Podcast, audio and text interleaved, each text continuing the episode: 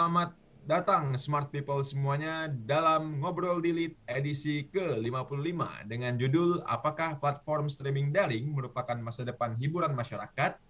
Jadi perkenalkan nama saya Aldo Raffi Presnali Siregar sebagai event associate CFDS yang akan menemani smart people semuanya dalam uh, edisi Ngobrol Delete kali ini. Tapi di sini saya juga nggak sendiri nih, saya akan ditemani oleh Halo, saya Adat, manajer event uh, publikasi dan sosial media CFDS. Kita bakal ngobrol-ngobrol lagi dok ya setelah uh, kita ngobrol yang terakhir kemarin kita bahas tentang kebocoran data. Sekarang kita bakal ngobrolin tentang platform streaming. Nah ini kan juga lagi rame nih dok platform streaming dipergunakan masyarakat terutama kita yang kesulitan mencari hiburan nih setelah PSBB, PPKM segala macam lah itu. Physical distancing terutama ya karena kita banyak WFH-nya. Nah ini kita coba nih kita bahas kita bahas apa aja sih sebenarnya fakta-fakta di balik uh, platform streaming ini berkembangnya seperti apa mungkin gitu dok? Iya mas, sangat setuju sekali ya mas ya. Memang uh, ketika pandemi COVID ini uh, pertama kali muncul, jadi itu sudah mulai kelihatan ya mas ya peningkatan dari uh, platform streaming daring ini yang uh, sangat banyak sekali digunakan oleh masyarakat.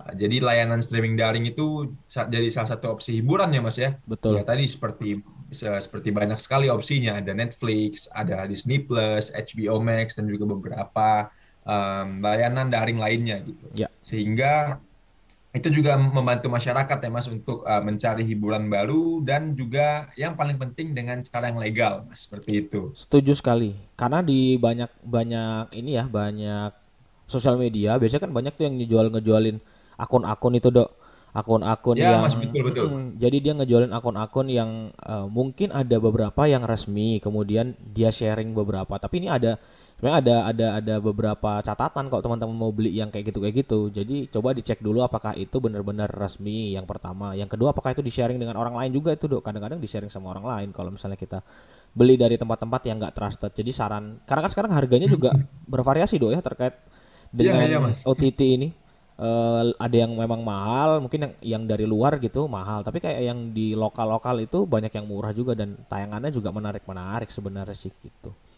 Jadi kita selalu mengajukan iya. untuk pakai legal juga, Do ya. Betul banget, Mas. Menurutmu kalau misalnya sekarang di era sekarang kenapa sih orang-orang itu malah pindah ke ton di OTT gitu ya? Kita nyebutnya uh, over the top uh, service ya atau OTT ya kayak model-model Netflix, Disney Plus, HBO Max Uh, itu kenapa ya? Orang-orang kok sekarang pindahnya merujuknya ke arah situ dok. Bukannya sebenarnya kalau di rumah kan lebih kita punya TV ya. Kayaknya setiap orang di rumah ya, sekarang betul. masih punya TV nggak sih?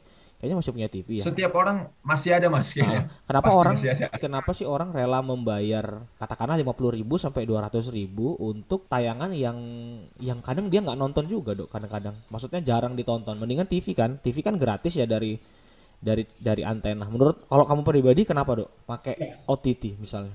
Alasannya? Kalau menurut Aldo sendiri ya mas ya, kenapa OTT ini menjadi sesuatu yang sangat istilahnya uh, banyak sekali digunakan ya mas, terutama bagi eh, anak-anak uh, uh, muda gitu ya mas. Betul. Jadi kalau menurut Aldo sih karena mungkin yang pertama lebih simpel aja mas. Hmm. Jadi kan uh, di situ kita membayar misalnya mas ya film-film uh, yang paling update misalnya di, di Netflix dengan uh, harga tadi mas yang bervariasi dan kita di situ bisa lebih simpel mas. Jadi kita mungkin bisa langsung nonton di HP atau nanti kita misalnya kita sedang ada ini kita juga bisa nonton di laptop dan ya menurut Aldo itu salah satu uh, keuntungan yang bisa ditawarkan oleh OTT gitu mas. Jadi bisa diakses di mana saja, tidak seperti TV yang mungkin harus di rumah gitu ya mas ya. Betul. Tapi kalau misalnya kita menonton streaming ya itu mas. Misalnya kita sedang menunggu atau kita sedang ada uh, kegiatan kosong di luar misalnya hmm, atau gitu. misalnya kita lagi di kos gitu ya mas. Di kos juga kan kita uh, mungkin kalau untuk kos kosan nggak semuanya punya TV ya mas ya? Iya kadang-kadang nggak nah, dikasih mungkin, TV ya. Ha, betul. Kadang-kadang nggak dikasih TV ya memang ya di beberapa uh, apa namanya di beberapa uh, kos kosan gitu. Iya mas. Betul. Jadi kan mungkin dengan adanya laptop gitu ya mas yang mungkin mayoritas orang juga punya sekarang ya. Jadi itu memberikan kemudahan akses gitu mas. Nggak yang seperti dulu lagi. Dan satu lagi mas kalau dari Aldo pribadi nggak ada iklannya mas gitu.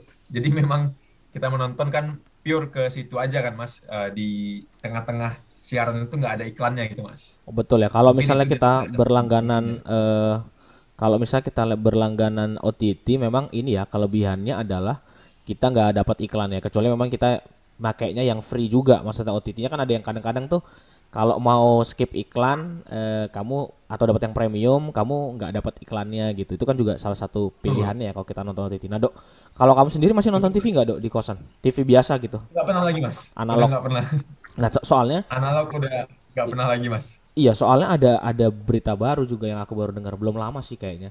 Uh, di hmm. Indonesia itu emang katanya mau ngubah dari TV analog menuju ke TV digital. Ini juga menarik karena apakah dengan karena kan ini kan soal kualitas ya do ya aku apa iya, iya, kadang-kadang ya, kadang-kadang mau nonton tuh misalnya kadang-kadang kan badminton itu pertandingan badminton ya di kayak olimpiade kemarin deh itu kan disiarin di ya, beberapa ya, stasiun televisi nah cuman ketika aku nonton di rumahku yang pakai TV berbayar yang berlangganan gitu itu nggak muncul tayangannya dan harus nonton pakai TV yang analog atau free to air gitu yang yang bebas untuk publik yang pakai uh, anten gitu kalau istilahnya antena gitu istilahnya kalau orang-orang yeah. kita. Nah, tapi uh, apakah ada bedanya sih Dok? Apa uh, kenapa kita harus mengkonversi TV analog ke TV digital? Kan masyarakat ini kan apa kan kita dipush ini untuk ganti TV digital kan. Bahkan uh, ada yang beli set up box dan lain-lain. Sebenarnya tujuannya apa ini? Apakah jangan-jangan lama kelamaan nanti arahnya TV analog ini mau di ini ya dimusnahkan ya?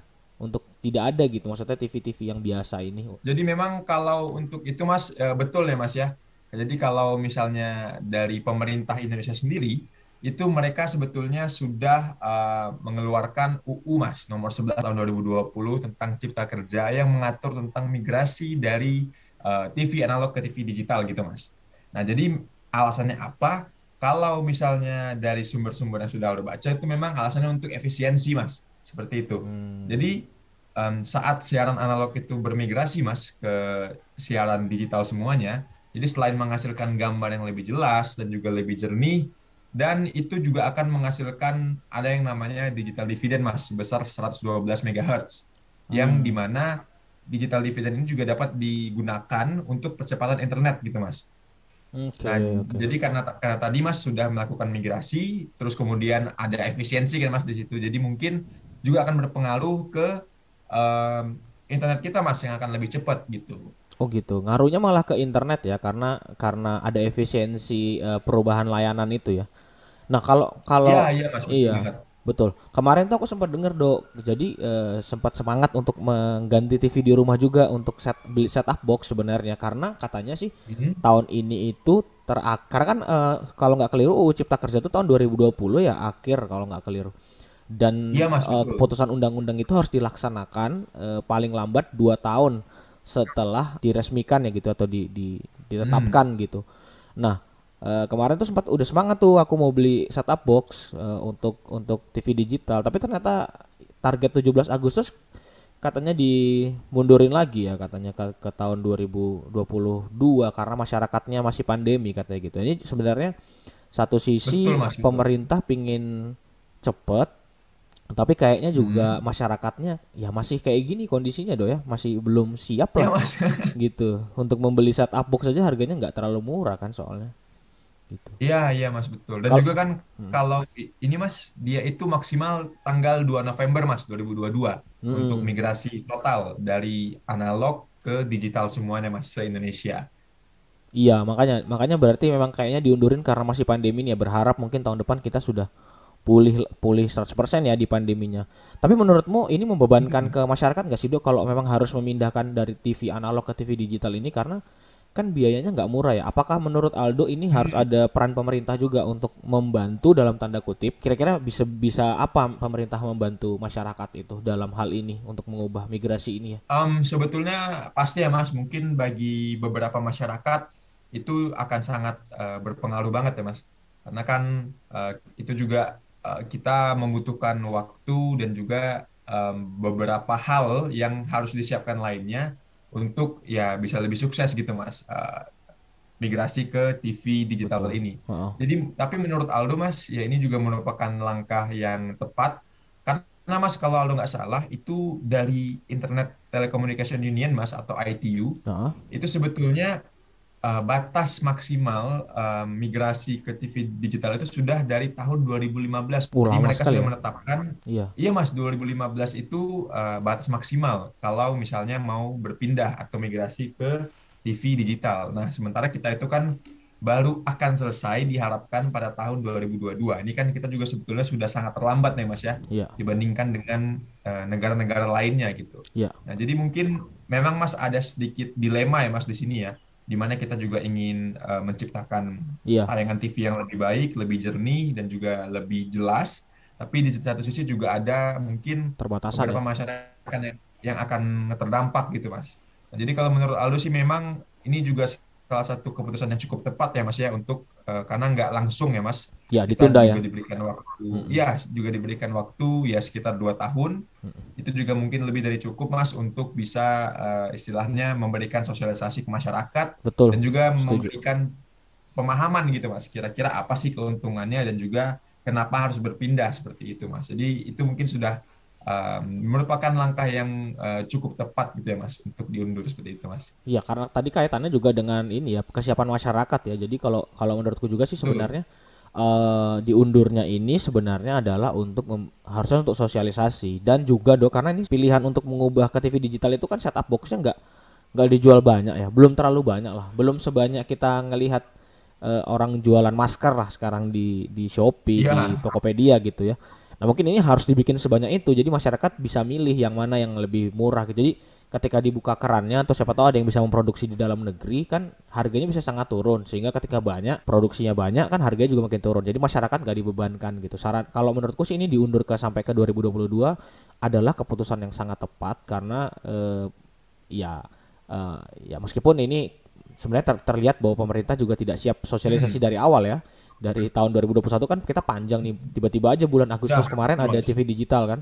Nah tapi menurutku Ya. ini salah satu cara mungkin taktik juga dari pemerintah untuk memang sengaja ditetapkan tanggal 17 Agustus kemudian ditunda karena eh, memang ini bagian dari sosialisasi. Itu bagian dari sosialisasi penundaan itu Hmm. kalau dugaanku do ya. Karena karena memang Ya, nggak nggak nggak mungkin aja di, di- diumumkan Agustus terus kemudian Agustus itu harus ganti. Masa dalam dua minggu eh, harus berubah sistemnya dan ini kan cukup cukup riskan ya kalau misalnya kayak gitu. Jadi keputusan yang tepat lah ini kayaknya ya kalau misalnya diubah ke ke bulan Februari aku lupa April atau Februari 20 2022 gitu sehingga masyarakat November Mas Dimas. maksimal ya maksimal November ya. Ya maksimal. Ya, maksimal November. dari November mak- Mas. maksimal November eh, kemudian nanti mungkin dari bulan ada- pemerintah memberikan eh, apa opsi-opsi dari bulan Februari dan April juga kalau nggak keliru dari programnya. Kominfo-nya gitu.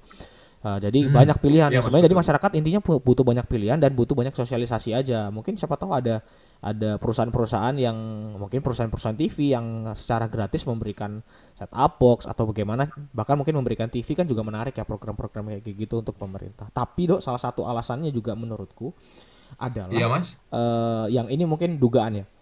Eh, Iya. Di tengah pandemi kayak gini, eh, orang-orang banyak yang nonton TV tentunya di di Indonesia gitu. Eh, karena karena banyak di rumahnya gitu. Jadi tapi dugaanku adalah mendorong ke TV digital ini selain untuk memodernisasi ya eh, gaya entertain Indonesia atau hiburan masyarakat dengan kualitas yang lebih bagus, tapi salah satunya juga untuk mendorong orang untuk tadi itu menggunakan platform internet. Tadi kan Aldo sempat bilang bahwa akses internetnya biar bisa lebih cepat nih kalau kita ubah ke digital. Jadi mungkin Ya, salah betul, satunya adalah mendorong masyarakat untuk lebih sering menggunakan internet. Yang tadi kita bahas di awal adalah yang akan kita bahas lebih banyak adalah mungkin eh, ini adalah orang eh, orang-orang disuruh banyak menikmati hiburan melalui internet aja gitu. Jadi nanti lama-lama mungkin setelah TV digital eh, orang-orang Indonesia nanti akan menikmati TV kayak di luar negeri. Ba- eh, menggunakan TV internet gitu kabelnya kabelnya kabel Ya. internet gitu. Jadi jadi kayaknya mau di mau ditarik ke arah sana dugaanku sih. Meskipun ini proses yang sangat-sangat panjang. Karena apa? Karena kemarin aku sempat baca dok berita di di salah satu eh, web gitu bahwa eh, di pandemi kali ini tuh orang-orang Indonesia eh, kebutuhan menonton televisinya meningkat. Ini fakta yang cukup Hmm. menarik. Jadi di Indonesia itu eh, ada peningkatan menonton tahun lalu menonton televisi ya ketika PSBB dan segala macam judulnya itu itu ada peningkatan sekitar 10 menit aja dok sebenarnya peningkatan menontonnya menonton televisi. Jadi orang Indonesia itu punya rata-rata menonton 3 jam 29 menit versi Nielsen ya. 3 jam 29 Iya, Mas. menit satu hari. Jadi ini peningkatan dari yang sebelumnya rata-rata 3 jam Jadi sekitar 30 menit aja peningkatannya. Nah, tapi ternyata okay. uh, eh, angka yang dirilis Nielsen ini tidak dibandingkan dengan negara-negara lain. Ketika kita misalnya lihat negara lain di saat yang sama, negara lain itu punya rata-rata juga seperti Malaysia sebelum pandemi mereka punya mm-hmm. rata-rata penonton 3 jam, do. 3 jaman. Kurang lebih sama Indonesia sama. Tapi setelah pandemi mereka tuh naiknya jadi 5 jam. Jadi sangat signifikan, uh. berbeda jauh dari Indonesia. Terus kemudian aku Malah naik 2 jam ya, Mas? Iya, bahkan di Afrika iya, Selatan yeah, yeah, yeah. di apa di Afrika Selatan itu 4 jam, di Italia 6 jam jam, di Yunani 7 jam. Jadi mereka rata-rata yang sebelumnya hanya 3 jam 4 jam tuh meningkatnya sampai 2 jam 2 jam 3 jam tuh ekstrim, cukup ekstrim. Iya, iya Mas, betul betul. Dan betul. dan menurutku uh, Indonesia tidak sebesar itu karena di Indonesia sekarang banyak penawaran OTT. Kalau Aldo tahu, meskipun Maxstream ya salah satu penyedia OTT juga yang di bawahnya Telkomsel tahun lalu itu sempat padam ya, sempat sempat bangkrut hmm. gitu. Tapi kan banyak bermunculan ya, yang lain ya. Salah satu kabar gembiranya Netflix itu bisa diakses di di salah satu provider lokal gitu ya. Kan dulu nggak bisa tuh ya. Netflix ya. di, diakses di lokal gitu.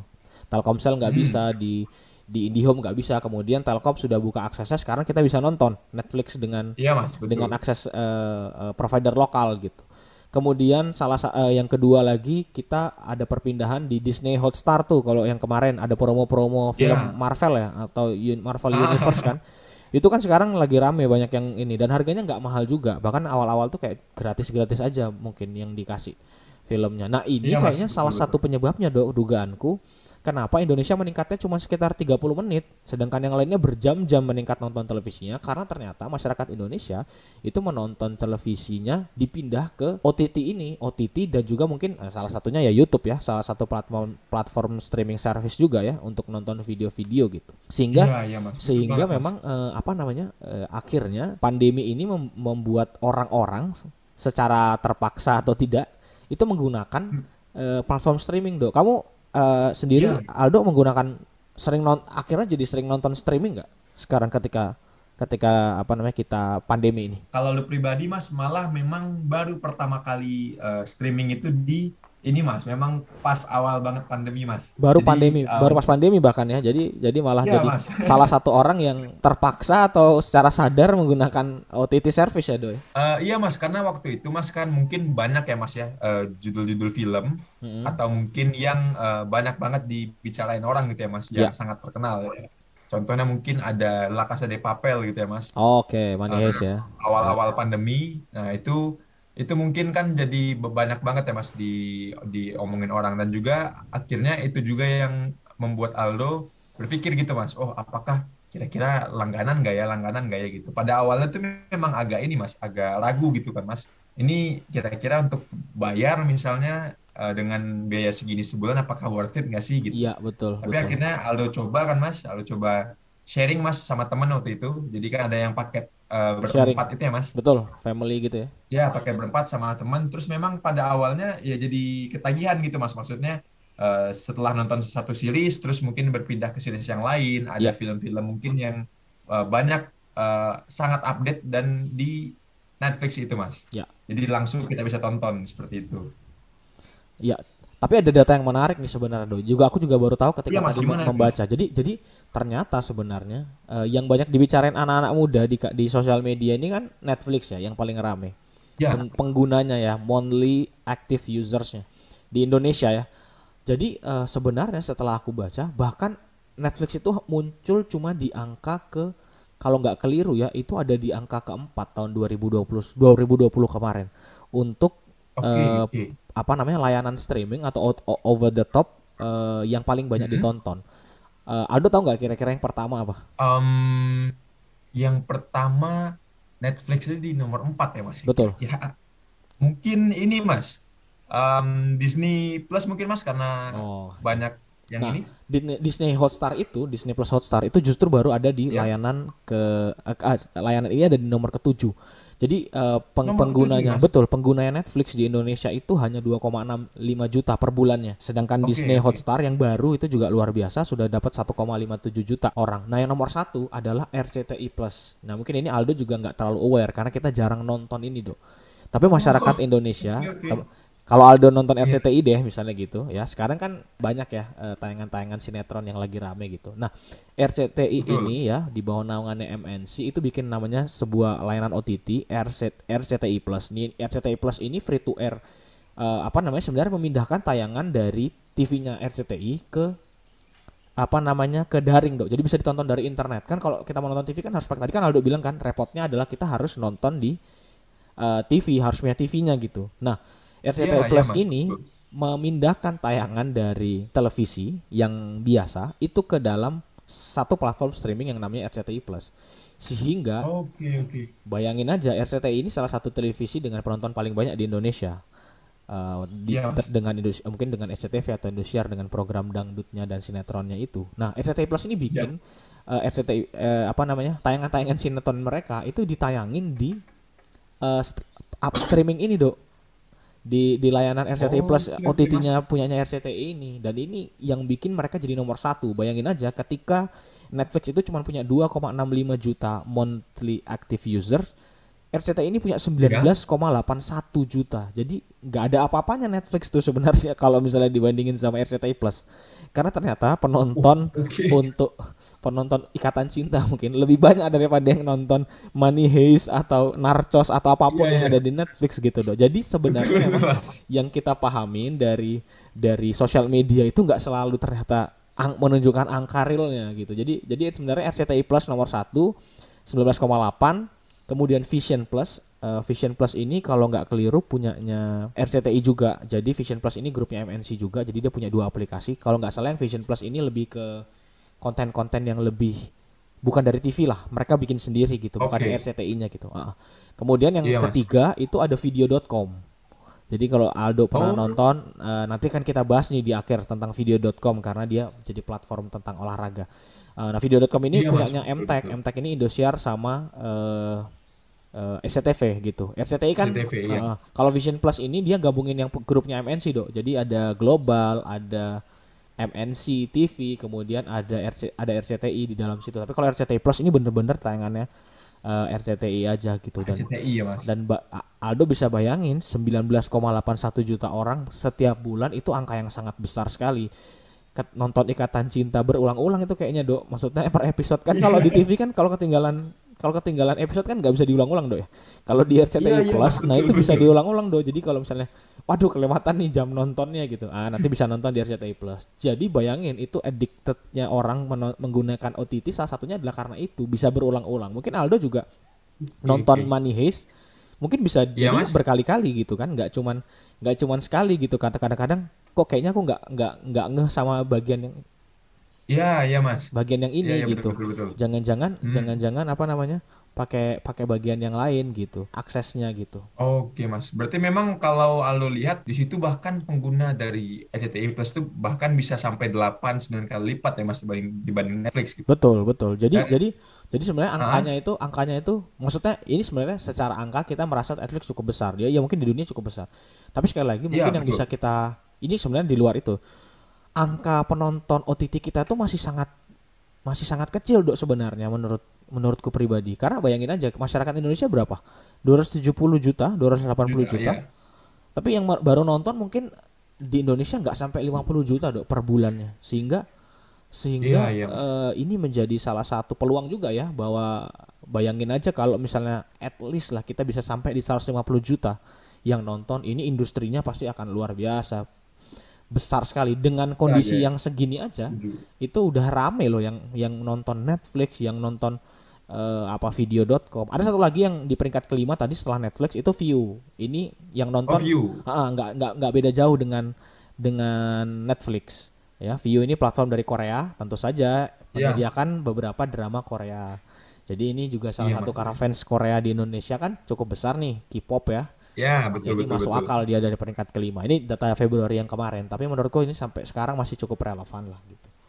Uh, iya, mas. gitu. Sehingga sehingga menurutku ini cukup angka yang cukup menggembirakan ya, Dok ya sebenarnya kalau yeah. kalau kita mau melihat uh, bahwa ternyata masyarakat Indonesia sudah mulai mengakses nonton TV dari HP, nonton TV dari layanan OTT gitu sehingga uh, ketergantungan akan televisi itu bisa mungkin sedikit demi sedikit dikurangin. Jadi costnya kan bisa berkurang ya dok ya. Jadi kita nggak perlu beli TV nggak perlu beli hmm. apa ya nggak perlu beli perangkat-perangkat uh, antena gitu-gitu atau harus langganan TV berbayar. Sekarang udah tinggal pakai HP tinggal pakai laptop gitu udah bisa menyaksikan tayangan televisi juga gitu. Bahkan bisa diulang-ulang. Mungkin itu salah satu kenapa OTT ini banyak diminati orang dok karena ternyata iya, OTT ini uh, apa namanya keuntungannya uh, fleksibilitasnya mungkin ya kalau kita bisa bahasakan uh, itu lebih tinggi jauh lebih tinggi ketika ketimbang menggunakan uh, TV konvensional gitu. Iya mas. Dan juga mungkin kita juga bisa ini ya mas. Uh, satu lagi mungkin kita juga bisa bebas mas untuk menyesuaikan dengan jadwal kita mas. Kalau di TV kan kita udah ada jadwal fixnya tuh mas. Misalnya harus jam berapa, acaranya apa. Kalau di iya. OTT kan mungkin kita bisa menyesuaikan kan mas. Kita bisa bebas sesuka kita mau nonton tuh jam berapa gitu mas betul dan dan memang uh, kenapa kan YouTube ini salah satu yang paling growth ya dok di Indonesia. Uh, kalau untuk iya, platform mas. streaming Betul. service ya, YouTube itu kan sosial media disebut sosial media juga iya karena ada platform komentarnya. Tapi se secara tidak langsung kan dia platform uh, streaming video ya atau video uh, meskipun tidak OTT ya. Mungkin sekarang dia ada OTT-nya di YouTube Premium gitu untuk menampilkan beberapa hmm. tayangan-tayangan yang premium. Tapi uh, menurutku kenapa dia growth adalah karena orang bisa memilih apa yang dia mau tonton dok di situ. Jadi Aldo misalnya suka um, tentang uh, isu-isu tentang HI gitu, pingin nonton negara-negara uh, lain gimana sih misalnya perkembangannya sekarang uh, di Korea Selatan, di Korea Utara misalnya gitu. Itu kan Aldo bisa mengetik dan memilih Aldo mau nonton apa. Tapi kalau misalnya tayangan TV konvensional yang jadi problem adalah kita disuguhi terus tayangan-tayangan dari yeah. kepentingan pemilik TV gitu. Makanya sempat yeah, ada sempat ada kontroversi ketika uh, oh banyak iklan politiknya misalnya gitu, kok oh, banyak ininya gitu. sehingga masyarakat juga mulai muak mungkin dengan hal-hal yang seperti itu sehingga memilih untuk ya udah kita mendingan mendingan saya berlangganan TV yang berkualitas deh atau mendingan berlangganan OTT deh yang lebih berkualitas saya bisa milih apa yang saya tonton gitu. Seperti mungkin halnya Aldo tadi karena kok yeah. teman-teman kayaknya seru ya nonton di OTT ini. Kayaknya kok jadi nggak up to date nih kalau nggak ngikutin di OTT akhirnya berlangganan lah gitu. Mungkin ini akan akan mengarah ke sana karena preferensi orang dalam menonton sekarang juga berbeda-beda dok. Semakin tersegmentasi lah yeah, kalau Aldo lihat di YouTube atau di beberapa platform seperti video.com itu kan ada video-video yang nggak kita sangka viewnya kok bisa banyak. Mungkin video tentang ya bener banget. Nih ada satu video yang lucu. Ada uh, di salah satu uh, aku lupa di video atau di YouTube itu uh, OTT service dia dia nampilin video ini aja dok. Benerin HP gitu bongkar HP gitu. Tapi yang nonton jutaan 2 juta 3 juta gitu karena dia ngasih tahu ini HP-nya kondisinya baterainya jelek gitu. Ini akan kita ganti ya ah. baterainya gitu.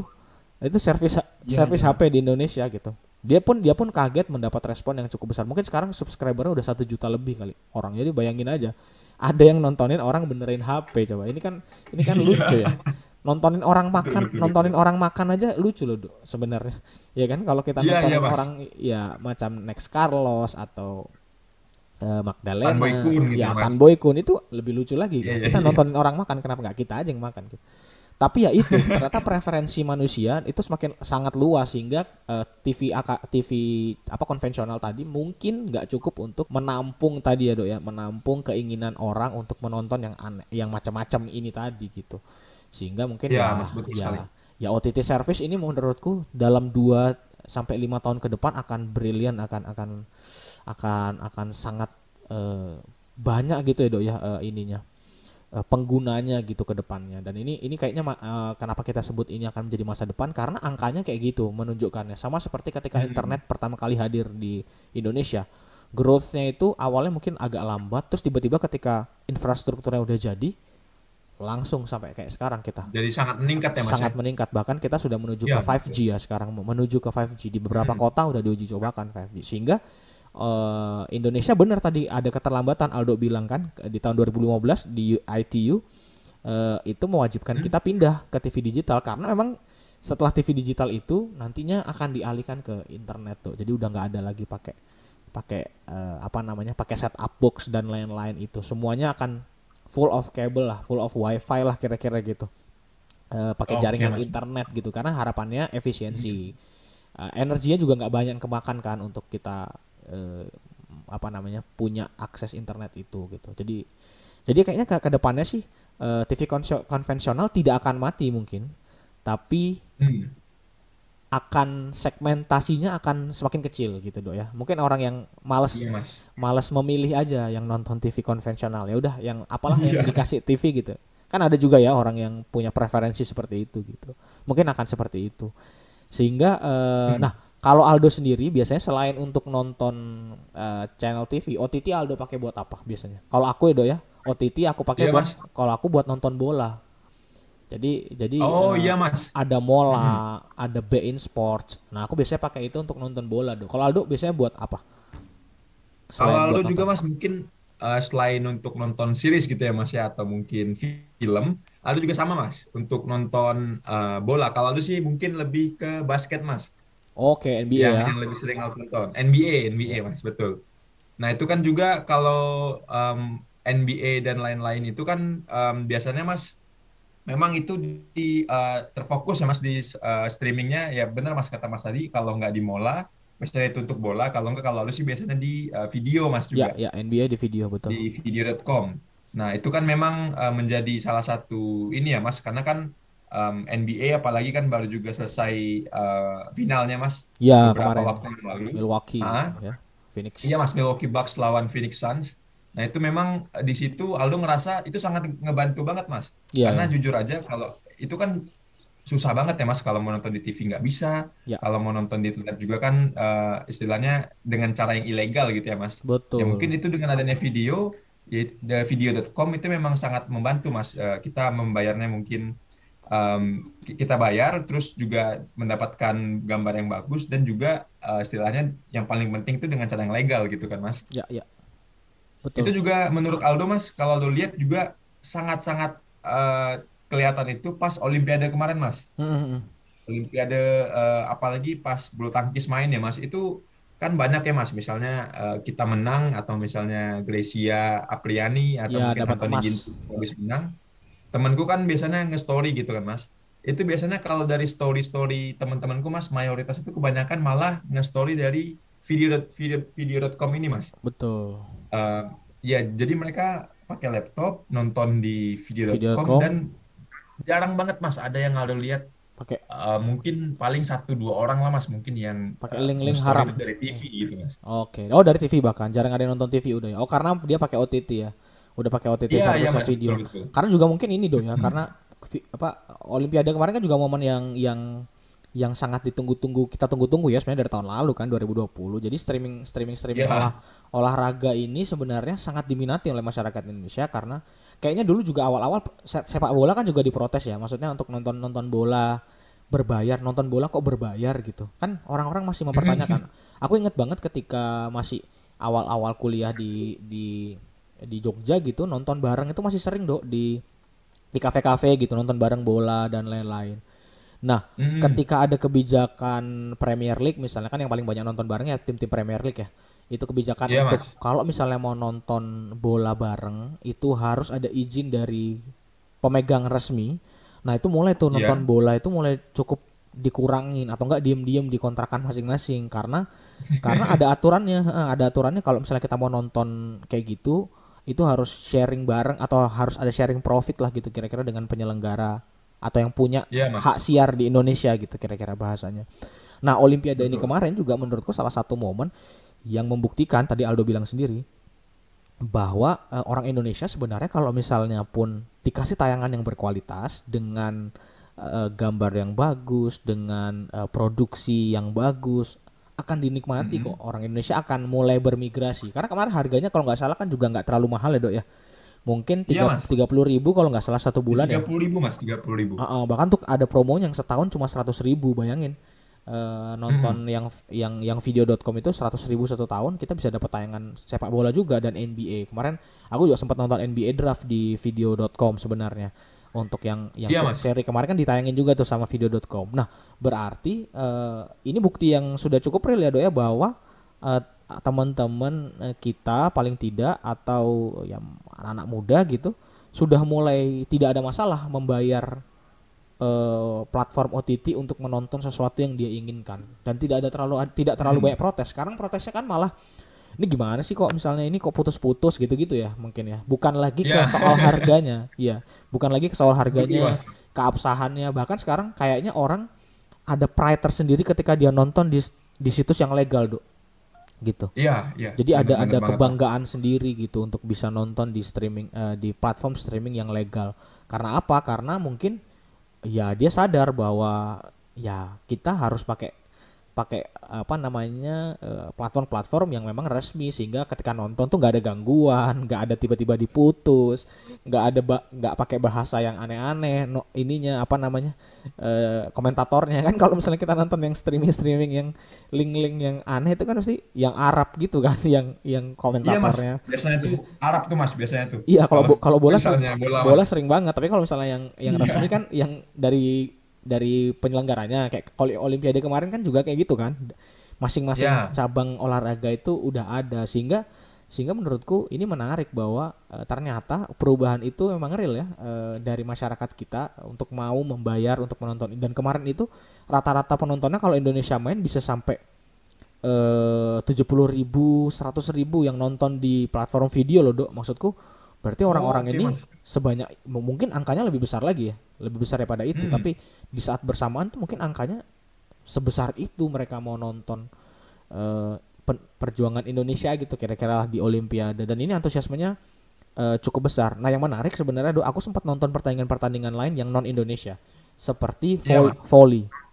Nah yang volley itu uh, status untuk di video.com itu kalau nggak salah itu premium jadi harus orang emang harus berlangganan kan ada beberapa yang nggak harus berlangganan yeah. kan untuk nontonnya itu memang harus hmm, iya, berlangganan. Ya, Nah, karena harus berlangganan, dia jadi otomatis kan harus eh, yang yang beberapa pertandingan yang premium dia harus berlangganan dulu untuk bisa nonton. Nah, pertandingan volley itu ya.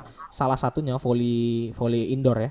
Itu banyak yang ya, yang nonton tuh sampai 12 ribuan orang. Padahal itu premium, berarti memang orang beli pingin nonton aja volley itu gitu. Jadi jadi segmentasi orang untuk nonton tuh cukup tinggi untuk untuk untuk di hmm. video.com. Tidak mesti nonton Indonesia gitu ya. Nonton olahraganya gitu. Jadi semuanya punya pasar yang sangat sangat terbuka gitu. Di begitupun di sepak bola di Olimpiade kemarin juga tinggi yang nonton 40 ribuan, 30 ribu. Padahal kan Indonesia kan nggak main ya di di, masuk di Olimpiade nggak ya, masuk bahkan nggak masuk bahkan masih jauh gitu. Jadi jadi antusiasmenya menurutku luar biasa ya sebenarnya kita Indonesia ini kalau mau mungkin eh, OTT service perlu dalam tanda kutip ya do ya perlu mensubsidi dulu lah ya. di awal-awal gitu sampai orang-orang merasa butuh untuk nonton OTT gitu karena ketika hmm. misalnya Netflix masuk di Indonesia itu kan harganya menurutku terlalu tinggi ya sudah sangat tinggi gitu di iya, mas. di angka mungkin uh, uh, 10 dolaran mungkin ya uh, kalau di luar negeri mungkin yeah. itu nggak gede tapi di Indonesia angka itu cukup gede ya dengan tax-taxnya dan lain-lain itu mungkin bisa 10 sampai 25 dolar ya satu bulannya. Tapi kalau misalnya kita bayangin dengan dengan 30 ribu gitu ya mungkin teman-teman yang ngerokok bisa menyisihkan uang ngerokoknya satu kali untuk nonton dapat tontonan berkualitas selama 30 hari. Jadi ini menarik sebenarnya potensi yang sangat besar uh, untuk menonton ini. Nah menurut Aldo ini ke depannya uh, eh, apakah semua tayangan olahraga nanti akan berbayar dok di OTT service ini? Atau sebenarnya ya nanti ya pasti pemerintah akan ngasih lah yang gratis-gratis kalau misalnya di TVRI atau apa gitu. Tapi kalau Aldo sendiri bayangannya kira-kira ke depan gimana? Kalau menurut Aldo pribadi ya Mas, itu pastinya kalau menurut Aldo malah yang akan ini ke depan itu akan berbayar semua mungkin ya Mas. Tapi ya uh, mungkin berbayar dalam uh, hal yang affordable Mas ya kayak di video.com ini kan Mas. Karena jujur aja mas mungkin kalau misalnya sekarang ya. di TV pun juga ke mana lu sempat lihat udah jarang banget kan mas yang menayangkan istilahnya olahraga-olahraga gitu mas hmm. jadi mungkin paling yang di TV Liga 1 mungkin ya mas misalnya sudah bergulir ya. itu mungkin menurut Aldo masih akan di TV mungkin mas oh iya iya iya karena ini ya iya iya iya baca. tapi hmm. ah Liga 1 Indonesia mas Indonesia Indonesia betul tapi mungkin kalau untuk uh, League Ligue 1 mungkin Mas di Prancis atau mungkin ada Premier League ya, atau ya, juga ya. ada La Liga di Spanyol itu pastinya um, ada di streaming platform streaming masing-masing gitu Mas yang ya. uh, istilahnya masih bisa kita bayar ya. cukup affordable dan ya. kita juga yang paling penting Mas ya aware Mas kalau itu uh, legal gitu itu kan juga salah satu tan, uh, sign yang bagus ya mas. Betul. Kalau ternyata kita sebagai um, kebanyakan dari anak-anak uh, muda sekarang sudah aware ya. tentang legalitas dalam menonton gitu mas. Kayak kalau dulu kan mungkin masih uh, belum kita ya. lebih ini ya mas. Oh ya udah ya yang penting aku nonton ya kayak mungkin mindset kita dulu mas. Ngapain sih bayar buat nonton gitu Betul. kan mas? Kayaknya segala nah, sesuatu nah, itu gra, uh, hmm. sebenarnya harusnya didapatkan dengan gratis ya gitu. Ya betul mas. Tapi kan sekarang juga ini kan mas, uh, kita juga udah ada sedikit pergantian, sedikit shifting.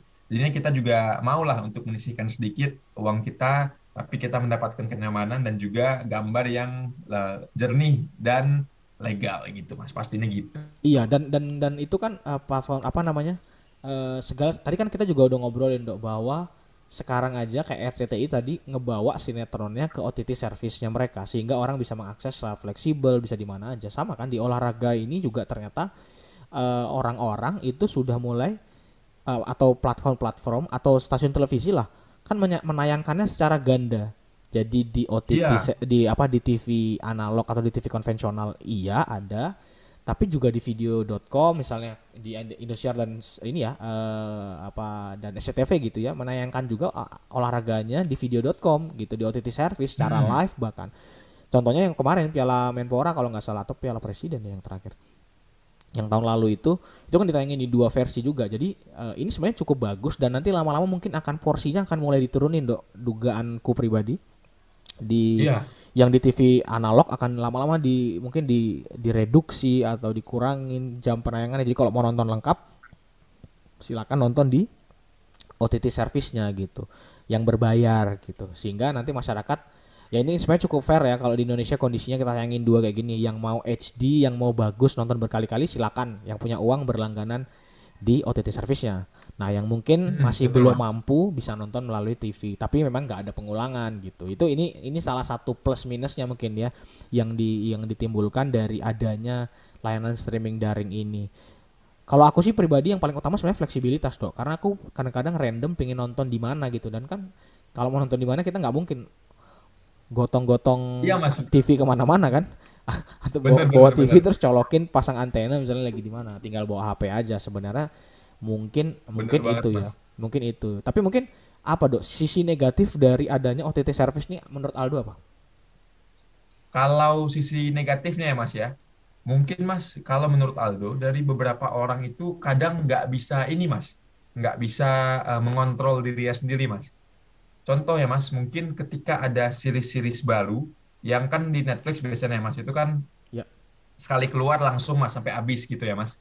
Kalau yang ya, series barat gitu. beberapa episode gitu ya nah, sampai selesai gitu ya satu satu season ya. Iya betul mas. Itu kadang itu uh, dari teman-teman Aldo ya mas yang Aldo lihat sendiri itu mereka kadang uh, rela gitu mas. Misalnya mereka baru bisa nonton itu kapan. Jadi misal nonton baru bisa nonton jam 12 malam mas dan mereka itu yang kadang ini mereka menghabiskan satu season itu di malam itu juga mas. Hmm. jadi karena mungkin dia tidak ini kan mas nggak ada ya kan bisa kita play play terus ya mas. Betul. Jadi akhirnya nonton nonton nonton akhirnya nonton misalnya 6 jam nonstop 7 jam nonstop. Itu yeah, kan yeah, yeah. nanti sampai pagi gitu mas. Bahkan betul, itu betul. sering sering banget mas terjadi. Kayak misalnya Aldo tanya kan mas ke teman-teman eh udah nonton ini belum? Oh udah udah. Itu kan aku kemarin ngabisinnya dalam aku satu hari? satu season itu cuma semalam gitu. Waduh. ah gitu.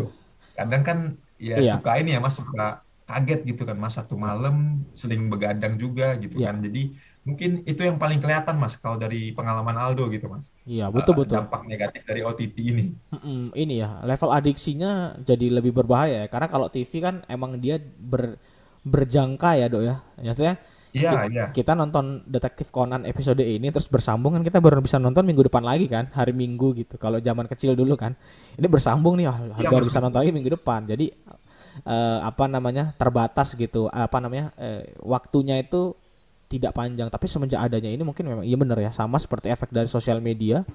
Uh, level adiksinya itu uh, luar biasa ya. Ya aku pribadi juga merasakan sih sebenarnya kadang kalau misalnya nonton series yang waduh nanggung nih nanggung nih nanggung nih. Satu lagi lah satu lagi lah. Uh, padahal satu lagi satu lagi satu lagi itu satu jam satu jam satu jam gitu. Sehingga justru betul, betul. justru bum, apa namanya level adiksinya ya berbahaya juga mungkin ini bagi bagi kesehatan mental mungkin nantinya kesehatan fisik yang pasti ya karena mungkin besoknya kerja tapi dipaksa nonton. Ini ini salah satu poin eh, negatif ya dari uh, layanan uh, layanan uh, streaming uh, service kayak gini. Kalau aku yang yang mungkin ya, mas. mungkin bisa jadi penutup kita dalam ngobrol-ngobrol hari ini soal soal soal dampak negatifnya adalah ini membuat kita jadi sangat personal, Dok. Uh, ber, TV iya, berlangganan ya, ya. ini. Jadi at least personalnya itu dalam keluarga karena paket-paket yang ditawarkan itu kan yang murah kan yang paket keluarga ya jadi memang disasar iya, disasar satu kali menonton ini ya ini dinikmati secara pribadi oleh keluarga masing-masing karena nggak bakal ada lagi kalau misalnya kita misalnya jarang akan ada nonton bareng bola lagi kalau misalnya seperti ini uh, modelnya. Apalagi tadi seperti aku hmm. bilang kalau nobar-nobar itu uh, harus ada izin dengan hak pemilik hak siarnya. Padahal selama ini uh, orang-orang no, nobar itu sudah mengeluarkan kos di makanan di minumannya gitu. Apakah mereka mau lagi untuk membayar misalnya anggaplah satu orang ngebayar sepuluh ribu lah untuk nonton bareng gini belum tentu juga siapa tahu orang-orang nggak mau. Sehingga mungkin menurutku uh, salah satu dampak yang mungkin akan buruk adalah ini akan dibawa jadi sangat personal. Jadi orang menikmati hiburan itu memang secara personal gitu. Uh, yang bahaya mungkin kalau misalnya nobar-nobar ini nggak ada lagi karena ya gegap gempitannya di Indonesia itu kan salah satunya olahraga itu adalah dengan nobar ya nonton bareng gitu. Jadi kalau misalnya udah mulai personal dan ini kerasa banget dok nobar-nobar di Jogja itu pun udah mulai berkurang banyak semenjak 2015 2016 ke atas karena aturan-aturan yang banyak ini tadi sehingga e, nonton barengnya cakupnya lebih kecil ya gitu. Iya mas. Cakupnya banget. lebih kecil cuma cuma satu kos kosan, cuma satu kontraan yang memang e, mungkin orangnya cuma empat, cuma lima gitu. Nah ini ini sangat sangat e, interaksi sosialnya akan sangat berkurang do. Ini yang sebenarnya jadi menurutku akan jadi dampak negatif sih untuk untuk bagiku ini dampak negatif ya karena karena interaksi sosial menurutku juga cukup penting untuk untuk uh, ini. Karena udahlah adiktif tadi nonton nggak pernah keluar rumah ditambah lagi yang yang mungkin tayangan-tayangan yang bisa ditonton bareng nonton bareng gitu olahraga juga nggak bisa dinikmati bersama sehingga uh, men mendapatkan uh, ya salah satu kekurangannya di situ mungkin di layanan OTT ini ya untuk untuk olahraga tadi mungkin dan yang lain-lain Mungkin gitu dok kalau dari aku terkait dengan beberapa hal yang kita bahas ini. Baiklah, uh, smart people semuanya, uh, sekian tadi ya kita sudah banyak sekali membahas tentang beberapa hal mengenai uh, eh, OTT dan juga TV konvensional, TV analog ke TV digital. Kemudian juga ada meningkatkan animo masyarakat kita dalam olahraga. Jadi mungkin sekian untuk uh, topik ngobrol dilit kita pada seri ke-55 uh, hari ini. Jadi bagi teman-teman yang ingin selalu update dengan uh, seluruh kegiatan CFDS dapat memfollow Instagram CFDS di CFDS underscore UGM dan juga bisa memfollow apa lagi mas? Kita bisa ada sosial media kita di YouTube juga ya. CFDS UGM kemudian silakan untuk akses hasil riset CFDS infografis menarik lainnya di cfds.visipol.ugm.ac.id juga sekarang kita lagi punya program kelas kecerdasan digital. Jadi uh, teman-teman yang mau ikut bisa join di kecerdasandigital.id. Oke, smart people semuanya, terima kasih banyak dan sampai jumpa di episode ngobrol di lead selanjutnya. Bye bye.